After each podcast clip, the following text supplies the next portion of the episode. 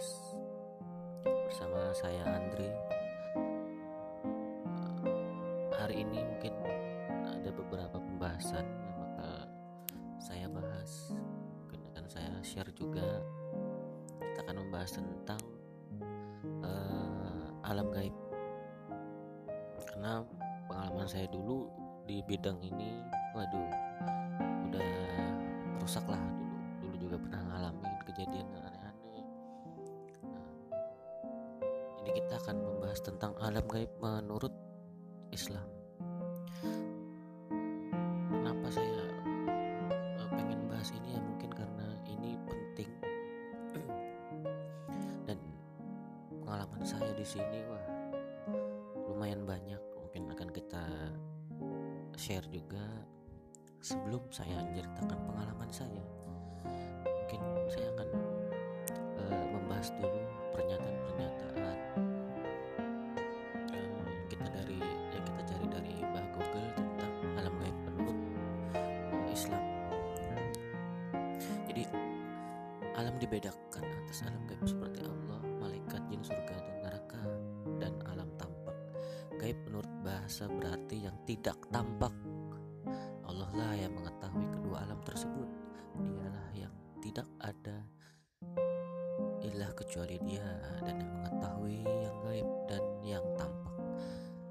Quran Surah Al-Hasyr ayat 22 Sesungguhnya aku mengetahui segala yang gaib di langit dan di bumi dan aku mengetahui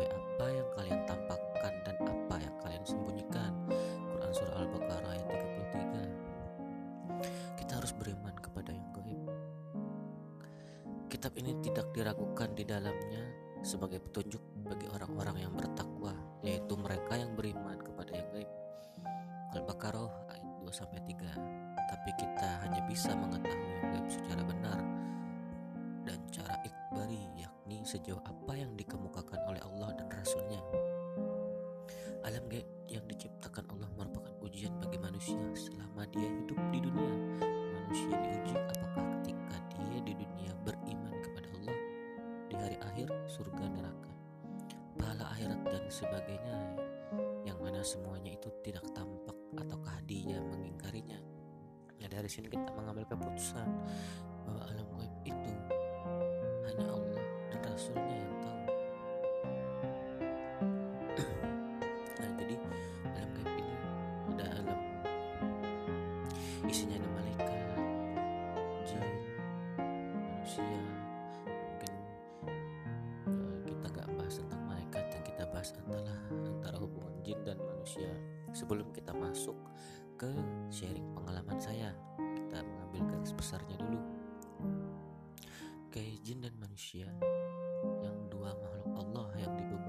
syariat agama sehingga dikenai pahala dan siksa artinya kita dan mereka juga sama Nah, semua jin bisa meninggal dunia kecuali iblis dan keturunannya yang ditangguhkan kematiannya sampai hari kiamat.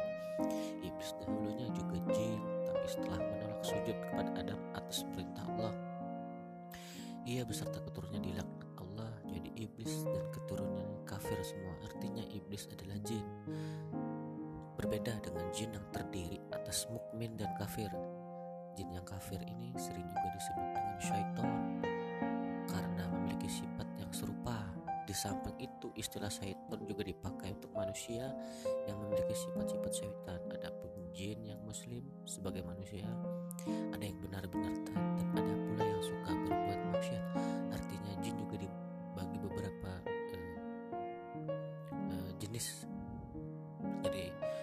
jin dari keturunan iblis, juga ada jin kafir yang disebut dengan eh, syaitan dan juga dengan jin muslim. Syaitan dan jin menikah makan dan juga minum keduanya tinggal di alam yang tidak terlihat. Ingat tidak terlihat oleh manusia tetapi mereka bisa melihat manusia. Tetapi jika mereka menampakkan diri di alam alam tampak maka manusia bisa melihat mereka. Artinya ketika dia tampak di alam kita artinya dia menampakkan diri di alam tampak kita. Dia masuk ke alam kita dengan hukum kita.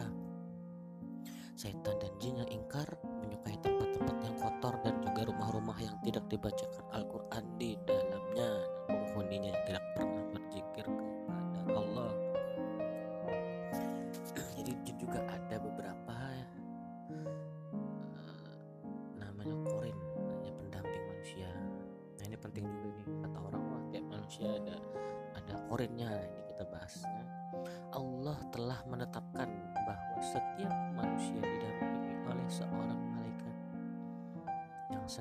senantiasa mengajak kepada kebaikan dan seorang jin kafir yang senantiasa mengajak kepada keburukan.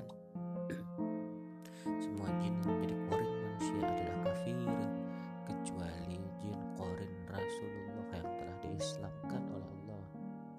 Artinya jin korin gak ada yang baik kecuali jin korin dari Rasulullah karena Allah telah mengislamkannya interaksi antara jin dan manusia dari sisi penciptaan. Manusia lebih baik mulia daripada jin sesungguhnya kami telah menciptakan manusia dalam sebaik-baik penciptaan. Quran surah At-Tin. Dan sungguh kami telah memuliakan keturunan Adam. Quran surah Al-Isra. Rasul-Rasul Allah adalah dari kalangan manusia. Tetapi jin tetap bisa mendengarkan dakwah mereka karena jin bisa melihat dan mendengarkan mereka dari alam mereka. Terakhir dalam syariat Nabi Muhammad SAW kita dilarang untuk meminta perlindungan dan meminta pertolongan kepada mereka meskipun dalam perkara kebaikan. Artinya mau itu baik atau buruk kita dilarang Banjar kebudayaannya. Kita meminta kepada ini wah ini syariat tidak termasuk dalam syariat. Karena Rasulullah mengatakan dalam syariatnya kita dilarang untuk meminta perlindungan dan meminta pertolongan. Meskipun dalam perkara kebaikan dan terhadap kelompok manusia yang meminta perlindungan kepada kelompok jin sehingga para jin itu menjadi ini dibahas dalam Quran surah Al-Jin. Islam mengharamkan pernikahan antara jin dan manusia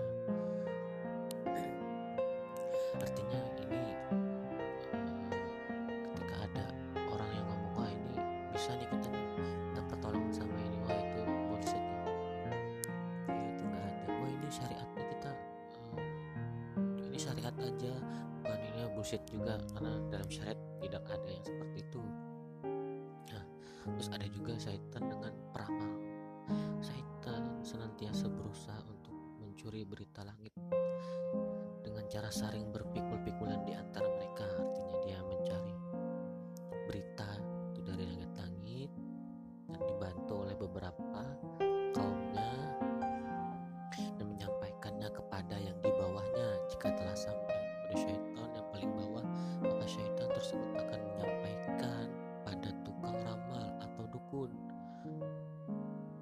Kita ulang ya syaitan senantiasa berusaha untuk mencuri berita langit dan saling berpikul-pikulan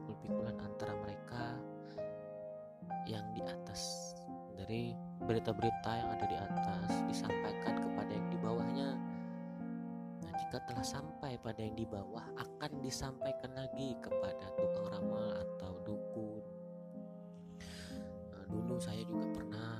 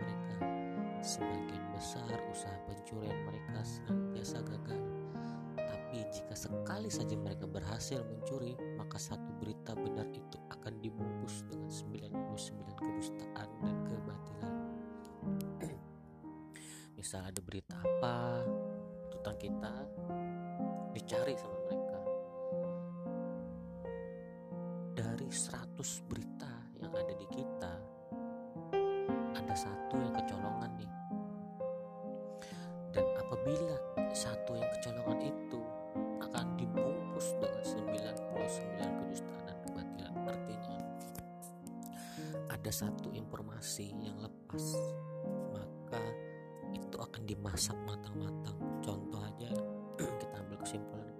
Nasi. Nasi itu bisa dibuat apa aja? Dibuat lontong dibuat soto dibuat nasi goreng bubur. Kita nggak suka bubur nih. Dia bikin lontong. Oh kita nggak suka lontong nih. Dia bikin nasi goreng. Sampai kebatilan itu berhasil masuk ke kita. Nah, sihir merupakan salah satu dosa besar dalam hukum Islam. Pelaku sihir harus dihukum mati dalam Islam. Artinya syariatnya apabila ada pelaku sihir dan ketahuan itu hukumannya mati. Sihir ada berupa tipuan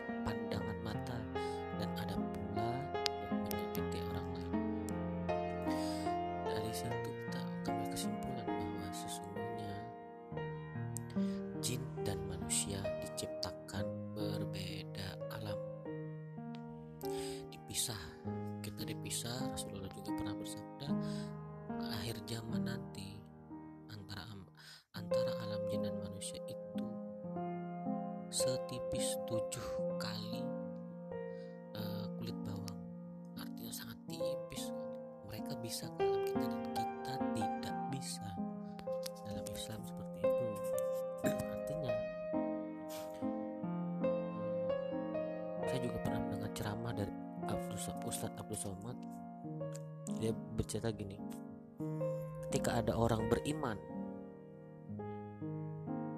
dia tidak mungkin mencari uh, jin. Begitu juga jin muslim tidak akan mencari manusia. Apabila dari golongan manusia mencari uh, contoh aja uh, mencari teman dari bangsa jin begitu juga sebaliknya jin mencari mereka adalah orang-orang yang tidak beriman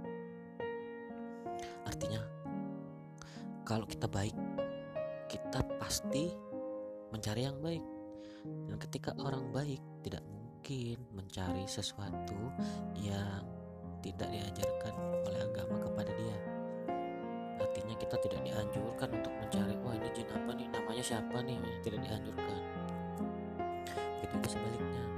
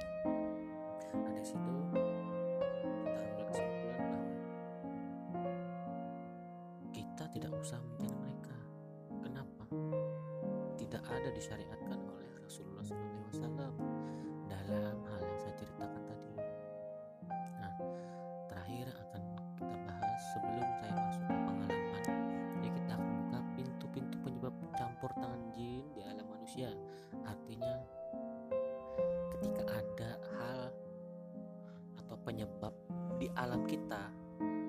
Mungkin itu ada campur tangannya jin mari kita baca satu persatu. Satu pintu kelemahan kondisi psikologis kejiwaan. Seperti perasaan takut sedih marah kelalaian hati dari jugula dan semacamnya. Artinya psikologisnya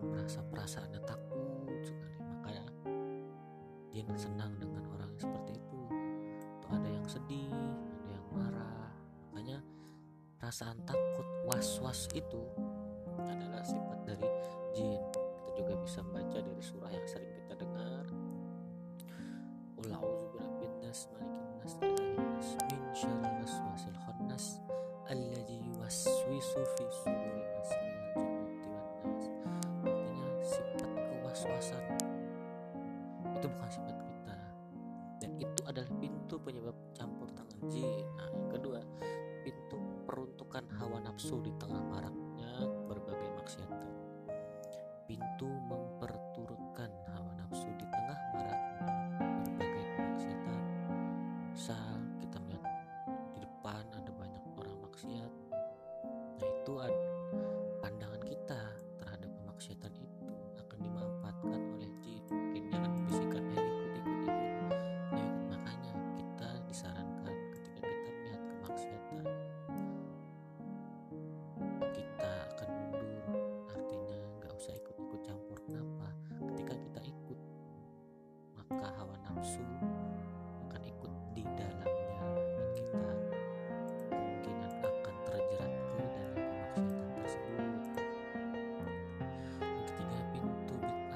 segala macam yang katanya yang tersebar di tengah-tengah masyarakat. Terus pintu dunia perdukunan pramal dan sejenisnya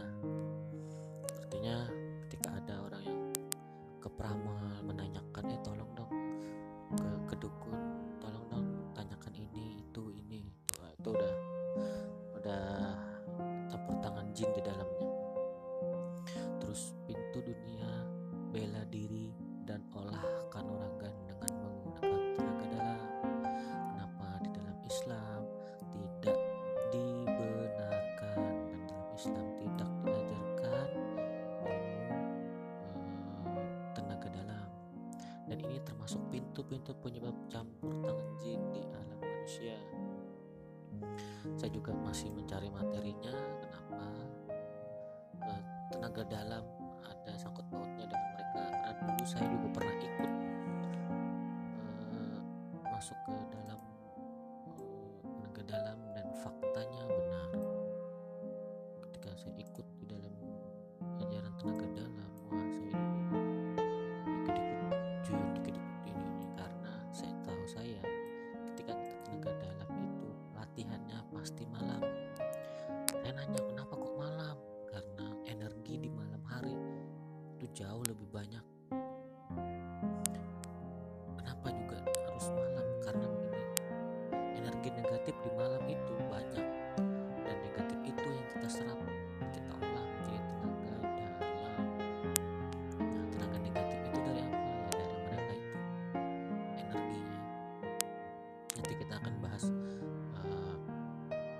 dari mana sih mereka energinya? Kenapa sih mereka bisa merubah bentuk itu? Akan kita bahas nanti.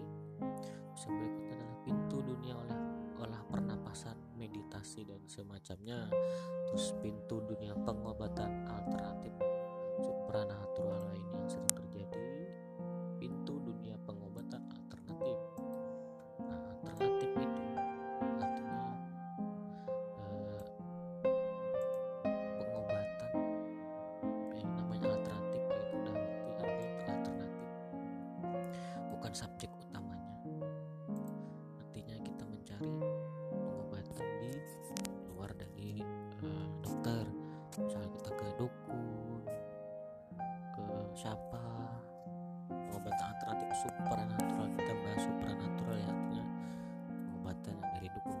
misal kita diberi jampi-jampi beri amalan. Terus kecenderungan umum masyarakat kepada dunia. Klinik mistik dan misteri.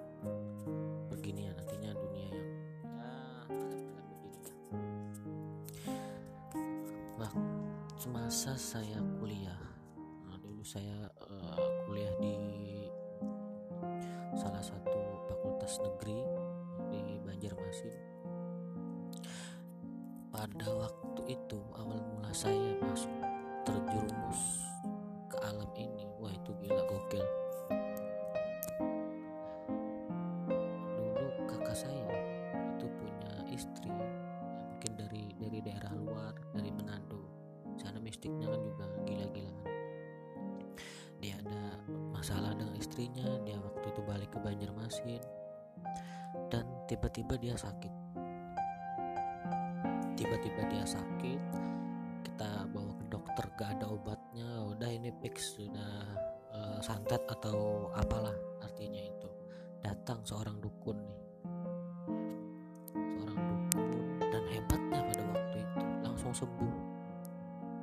Saya aja kaget oh gila sakti nih orang nih. Mungkin ini sharing saja ya. Dulu saya sebelum sebelum ah dulu saya juga nggak ngerti. Akhir sampai sekarang alhamdulillah udah ngerti. Nah, jadi waktu itu saya takjub oh keren nih gila nih. Bagus nih. Tanpa sadar saya mengagumi dia. Jin masuk melalui pintu-pintunya. Wah ini ada kesempatan nih. Gilanya jin. Makanya pembahasan saya yang tadi saya ulangi. Sebagian besar usaha pencurian mereka senantiasa gagal. Tapi jika sekali saja mereka berhasil maka satu berita itu akan dibungkus dengan 99 kedustaan dan kebatilan. Jadi kita sebenarnya dukun ini dia ngobatin orang. Karena profesi dia profesi utama dia adalah itu otomatis kalau kita uh, masuk ke salesnya bagaimana orang itu bisa sakit lagi dan dia yang mengobati. Dan itu ternyata adalah permainan dari mereka. Jadi mereka dia kerjasama misal saya nih nah ini diobatin sembuh ketika dia tidak ada duit lagi oh, dia akan main lagi. Kerjasama lagi sakitin ini loh nanti kalau gue gini gini gini gini. Artinya dia rekanan lah sama mereka. Menurut pengalaman saya pada waktu itu. Saya tidak tidak kepikiran sedikit pun untuk masuk untuk nanya untuk ini nggak kepikiran. Cuman jin itu dengan 99 kedustaan dan kebatilan akhirnya saya ikut jadi waktu itu saya nonton TV maka saya di belakang lagi diurut lagi diobati tahu-tahu hati saya kayak weh masuklah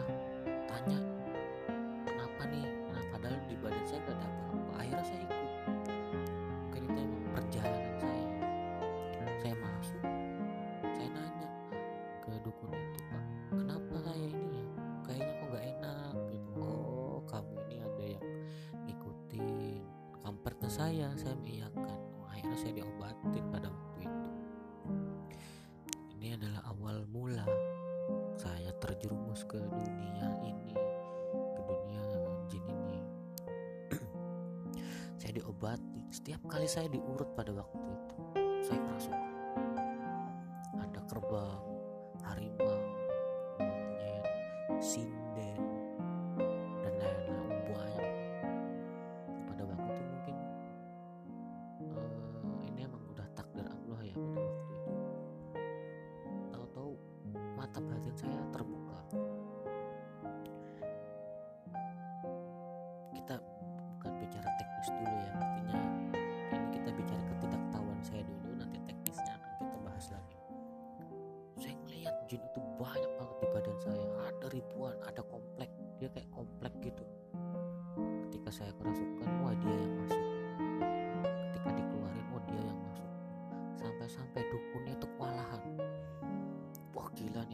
banyak banget isinya. Ini dikeluarin ada lagi ini dikeluarin ada lagi. Saya tiap hari urut dengan dukun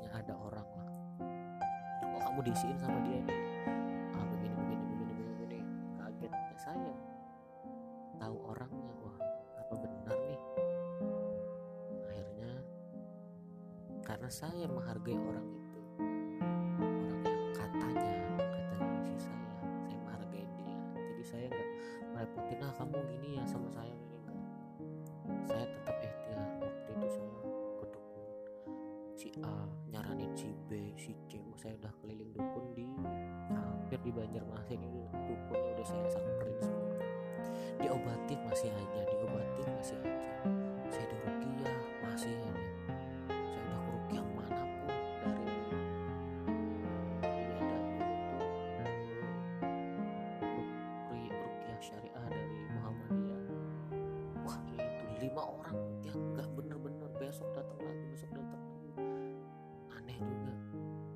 bisa kok ini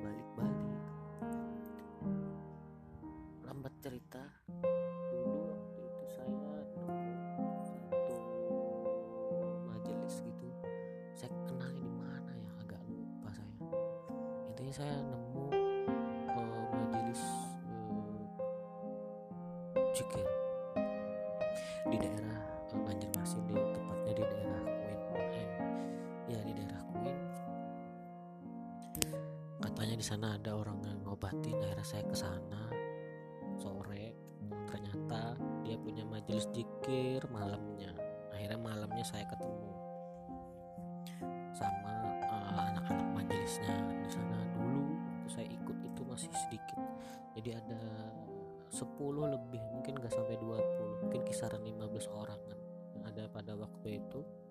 Ya, saya sambil nyalain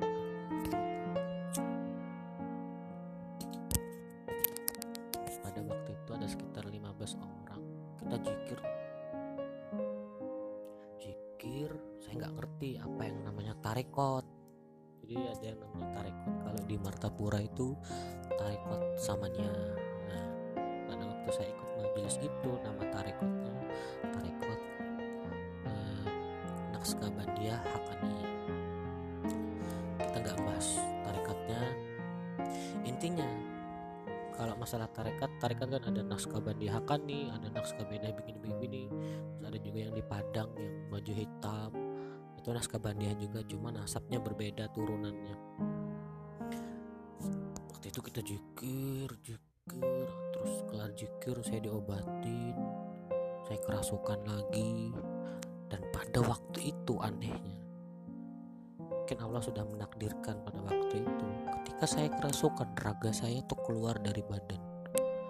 Jadi saya ngelihat sekeliling saya pada waktu itu di majelis itu si A lagi ngapain si B lagi ngapain si C lagi ngapain wah saya ada yang mukul kepala saya ada yang injek saya karena pada waktu itu saya tidak sadar. Saya masuk ke bawah alam sadar wah kerasukan saya. Kemasukan A B C D oh banyak lah pokoknya. Udah udah udah kebal lah saya kayak begitu. Dan badan fisik saya udah mulai lemas karena ketika kita masuk ke bawah alam sadar itu wah itu udah pasti capek. Sama kayak orang kebakaran biasa. Kadang kita eh, ngangkat lemari aja nggak kuat sendiri tapi ketika kebakaran kita bisa sendiri. Artinya kita masuk ke bawah alam sadar sama kayak kerasukan gitu. Makanya energi orang kerasukan itu kuat. Lebih kuat daripada dia normal karena di bawah alam sadar. Kalau kita masuk ke teknologinya dia udah nggak ada limit artinya dia over terus. Mau di push terus nggak ada limit sama sekali. Sama kayak motor. Motor kalau kita gas full sebenarnya dia bisa naik lagi. Tapi karena ada limit dia dibatasi sama kayak manusia. Nah, saya kerasukan saya ngeliat si ajitak saya si beludain saya si cenendang saya. Saya ngeliat semuanya. Dan itu fakta. Saya kira ini wah ini akal-akalan aja nih masa bener sih waktu saya sadar saya balik saya tanya satu-satu eh kamu tadi jitak saya kamu tadi nendang saya. Oh benar benar. Kok bisa re? Ayo kita buktikan lagi re. Oke akhirnya di balik kamar di waktu itu saya kayak kayak nerawang gitu. Nah, di situ mungkin perjalanan saya udah mulai terbuka saya nerawang salah satu kamar di guru tempat guru saya. Isinya apa aja? Saya sebutin wah ini ada kasur ada gini. Ternyata benar dan terus saya ngelihat wah di dompet om. Duitnya sekian nih. Terus di sana ada foto ada sim yang ternyata benar semua. Wah di situ tanpa sengaja saya membuka pintu-pintu penyebab campur tangan jin di alam manusia. Di situ dia membungkus kedustaan dan kebatilannya. Dipermainkanlah saya wah akhirnya saya merasa wah keren juga nih. Bisa nerawang nih kayak pesulap. Wah keren juga nih. Wah, akhirnya saya malah terjerumus lebih dalam dukun A lagi dukun B lagi. Akhirnya menaikkan pamor saya. Saya bisa nerawang saya bisa kerasukan yang kayak di TV-TV kita milih jin nih udah tarik masukin ke badan saya. Mediasi. Wah artinya di situ saya lebih jatuh. Dipermainkan oleh jin dengan kedustaannya. Wah saya diolang aling udah. Nerawang bisa nyihir bisa. Wah itu gila udah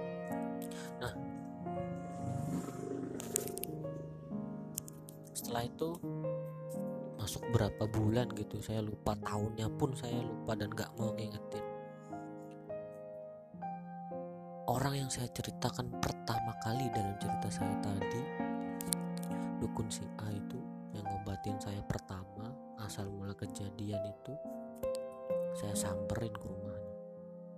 Jadi waktu itu eh, saya ada beberapa teman-teman itu yang samperin ke rumahnya dia. Ngobrol saya sama dia. Gimana kamu kabar? Oh baik. Teh sudah sembuh? Oh udah sembuh saya. Saya udah banyak hodam nih. Lihat aja di belakang saya. Oh dia kaget ngeliat hodam di belakang saya itu. Pakai sorban semua ada tujuh orang. Dan itu pasti melihat dia. Karena kalau teman saya pun melihat wah si Andre sekarang ada hodamnya ya.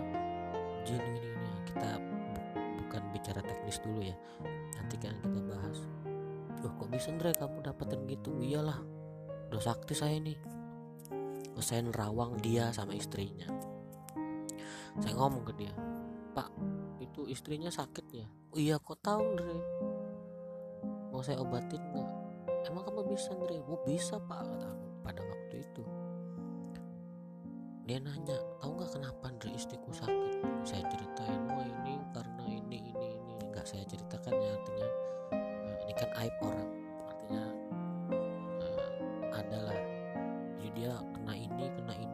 dikerjain oleh si A, si B, si C. Dia kaget, wah kok benar nih? Gak tahu dari mana? Saya nggak pernah cerita pada waktu itu. Dia kaget benar. Dan saya tahu alamat rumah orang yang ngerjain istri sampean. Alamatnya ini, ini, ini, ini. Oh kaget dia. Di situ dia. Ketika dia menggurui saya, ada masanya saya menggurui dia. Pada waktu itu dia minta air ke saya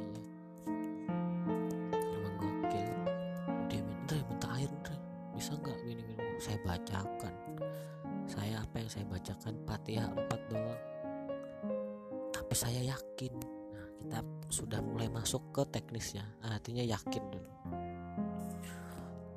Diambil air diminumkan terus cuci muka dan badan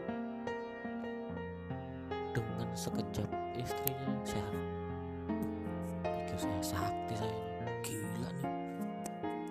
Itu mungkin waktu itu ya mungkin ujian Allah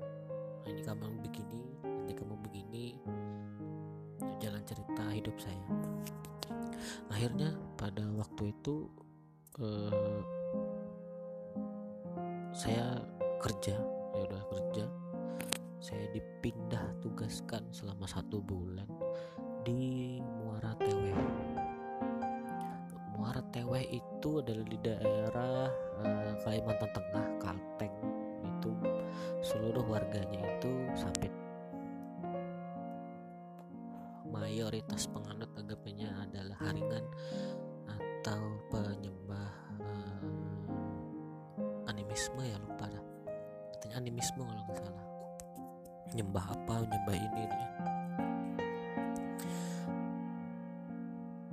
satu bulan ditugaskan di situ karena kotanya emang sepi.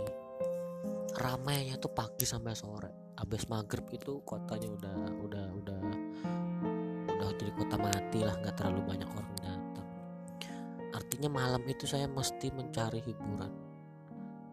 Saya ke rumah teman-teman saya di tempat kerjaan itu kan ada rekan-rekan kerja. Wah, saya ke rumah dia rumah dia rumah dia rumah dia.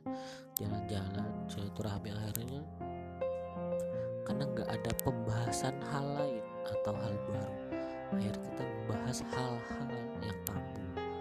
Karena hal-hal yang tabu akan sangat menarik dibahas ketika kita mempunyai pengalaman atau sedang eh, saat itu sedang menjalani eh, sama seperti saya. Dia saya eh, udah udah udah masuk ke terjun ke alam itu. Tahu-tahu diceritain masalah kayak begitu malah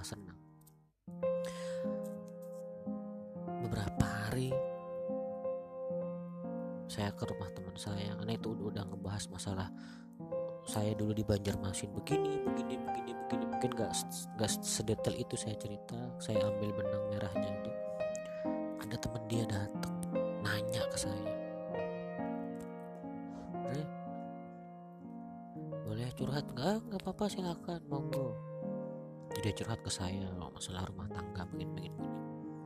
Dia nanya ke saya kenapa kok saya begini ya sama suami saya tahu nggak oh tahu saya kaget dia.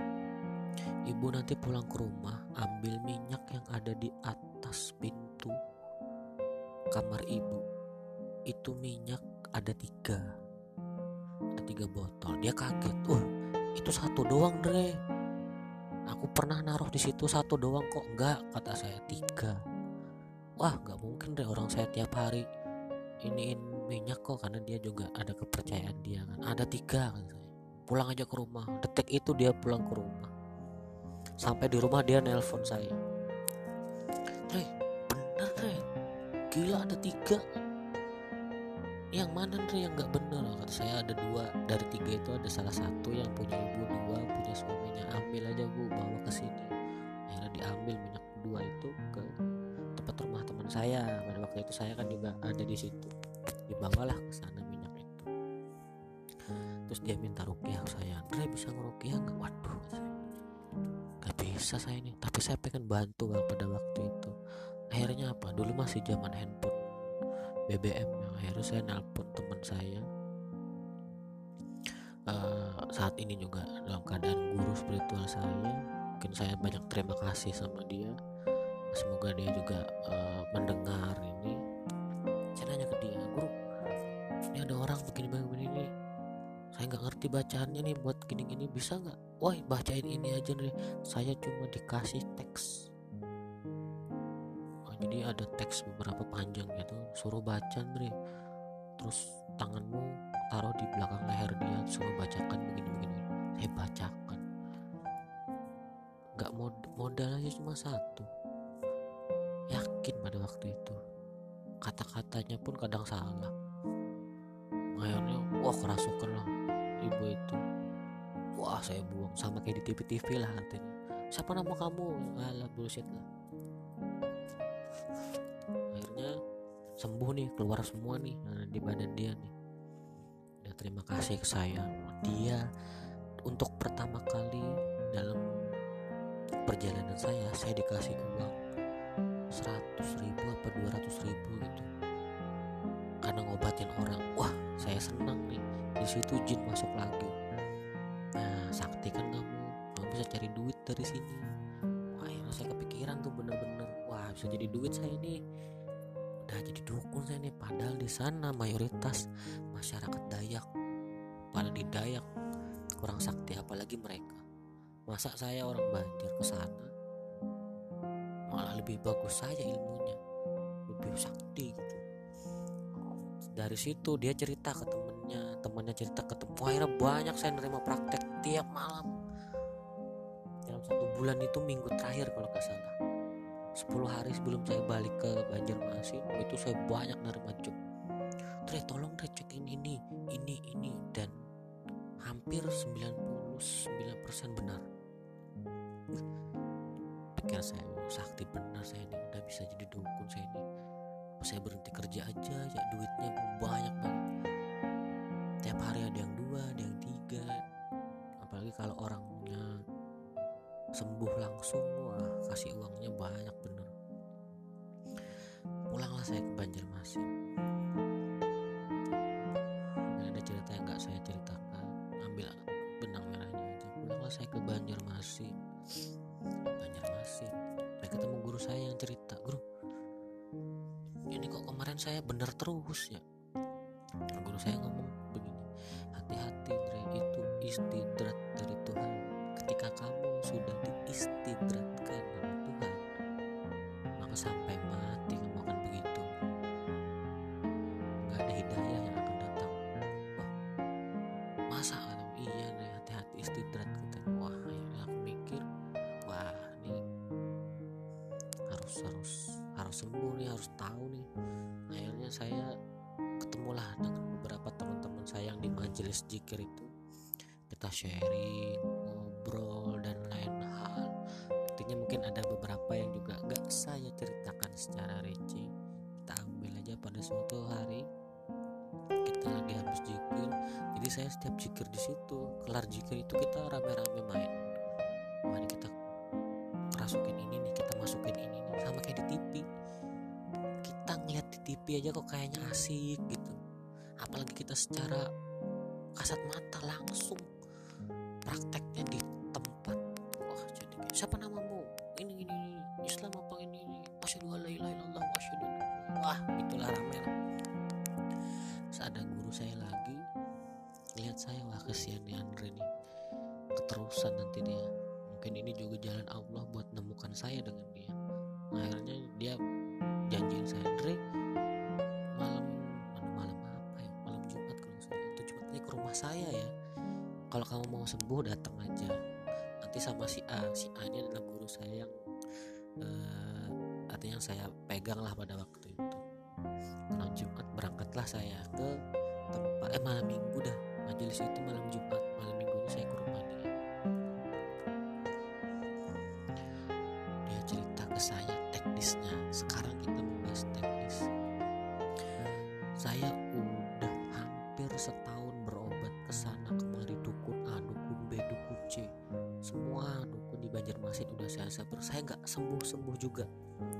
teknisnya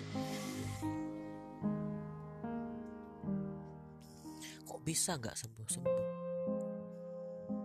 gurunya itu bilang gini itu sugesti Dre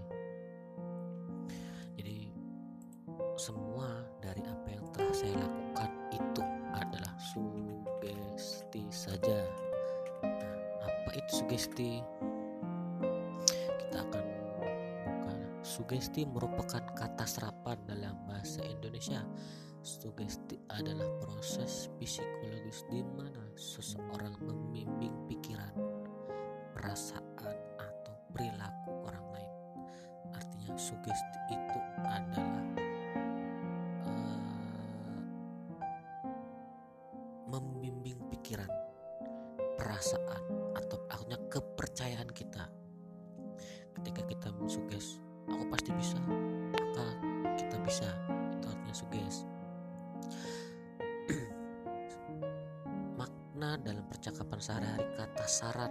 suges mengacu arti harfiah atau memberi saran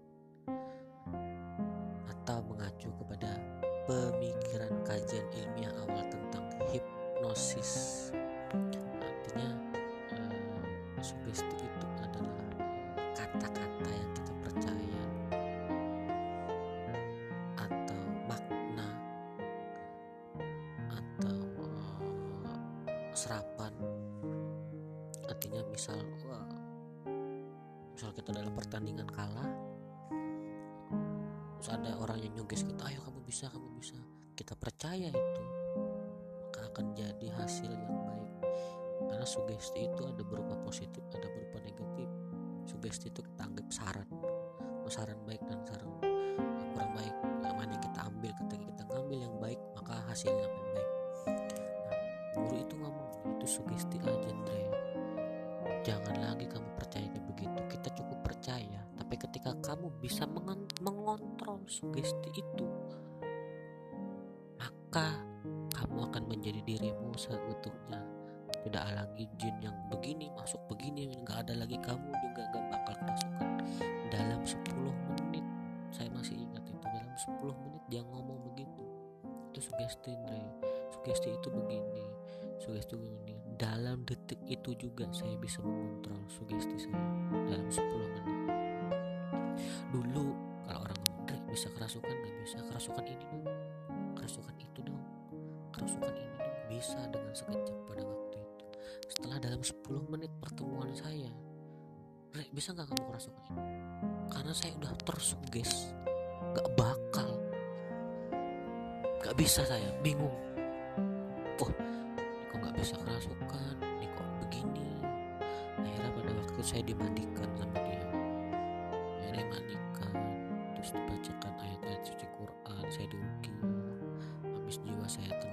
saya disuruh ngobrol lagi duduk. Dia tetap suges saya begini deh begini begini. Kamu jangan percaya begini begini. Ketika kamu percaya akan hal yang kurang baik maka di situ jin masuk. Saya tersuges diri saya. Gini deh Andre katanya. Cara enaknya kamu sugestiin kata-kata saya. Kamu kamu ibaratkan artinya saya mengibaratkan supaya saya cepat paham pada waktu. Kamu tahu film Naruto? Oh iya tahu saya film Naruto. Kamu tahu pintu Kyuubi? Iya tahu saya. Yang dalam jiwa Naruto dia menyimpan rubah di dalam pagar. Kamu bisa Andre ngayal kayak begitu jadi saya pejamkan mata. Iya bisa. Hayalkan seperti itu ya ketika kamu membuka pintu saya seperti dihipnotis sebenarnya. Jadi dia nyuruh gini ketika kamu membuka pintu itu artinya mata batin kamu terbuka yang kejadian dulu-dulu akan terbuka semua. Artinya kepekaan kamu terhadap jin itu balik lagi. Kalau kamu membuka pagar itu artinya QB di badan kamu keluar dia perumpamakan hantu pada waktu itu. Ketika kamu tutup pintu itu gak ada yang bisa ganggu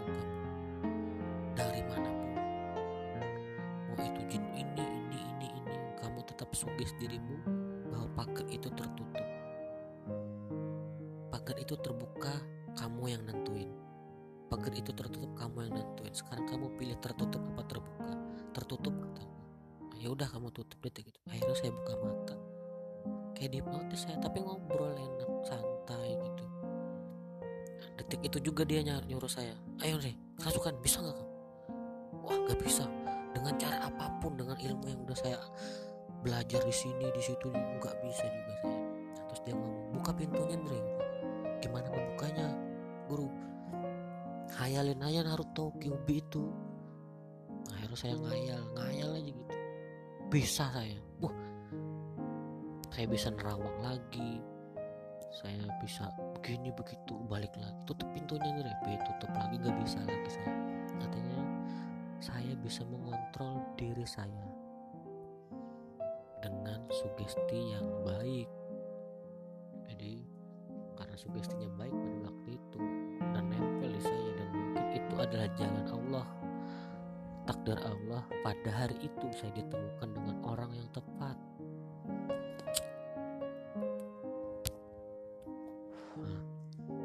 kita ke teknisnya. Kenapa pada waktu saya di Muara Tewe saya bisa bisa dalam artian ngobatin orang dengan ngebaca doang.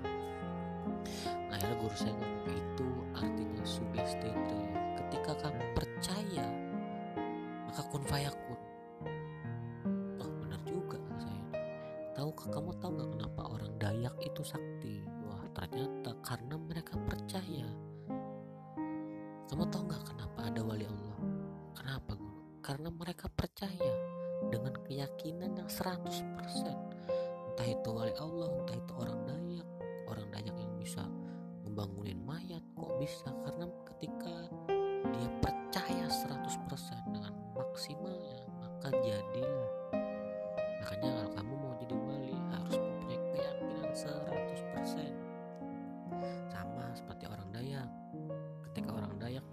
keyakinan 100% maka dia akan sakti yakin aja modalnya. Makanya ada orang ngomong yang penting yakin aja. Karena itu adalah energi positif dia sugesti dia kepercayaan dia. Nah, lalu mungkin ada beberapa yang kenapa kok jin bisa menunjuk? Sebenarnya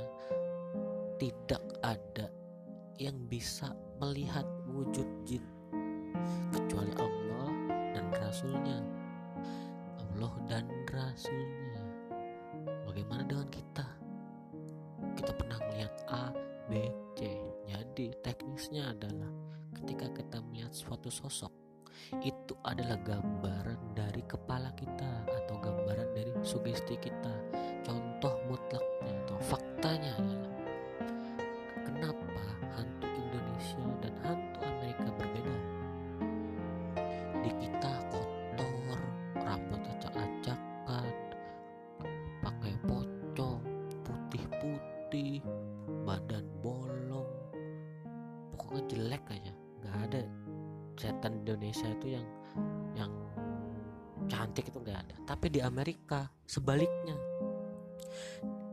Di Amerika itu ada pampir dan ganteng-ganteng. Pakaiannya juga nggak ada kain kapan kan jas. Terus gaun. Nah dari perbandingan ini kita bisa menyimpulkan kenapa kok setan Indonesia jelek setan Amerika kok elit terlihat elit karena kultur budayanya pada waktu itu pada dulu itu kita susah. Kita ini adalah bangsa terjajah. Dan Amerika adalah bangsa yang menjajah. Artinya ketika kita dijajah jatuh kita di, di, di, di ke bawah. Artinya semua hal yang buruk kemiskinan kelaparan itu ada di negara kita. Karena kita dijajah. Dan Amerika gak ada Amerika adalah bangsa adidaya. Dan di Indonesia ketika orang meninggal itu pasti di kain kafan. Dan kain kafan warnanya putih. Makanya nggak ada pocong di Amerika. Di Amerika ketika mereka meninggal mereka ada adat Kristen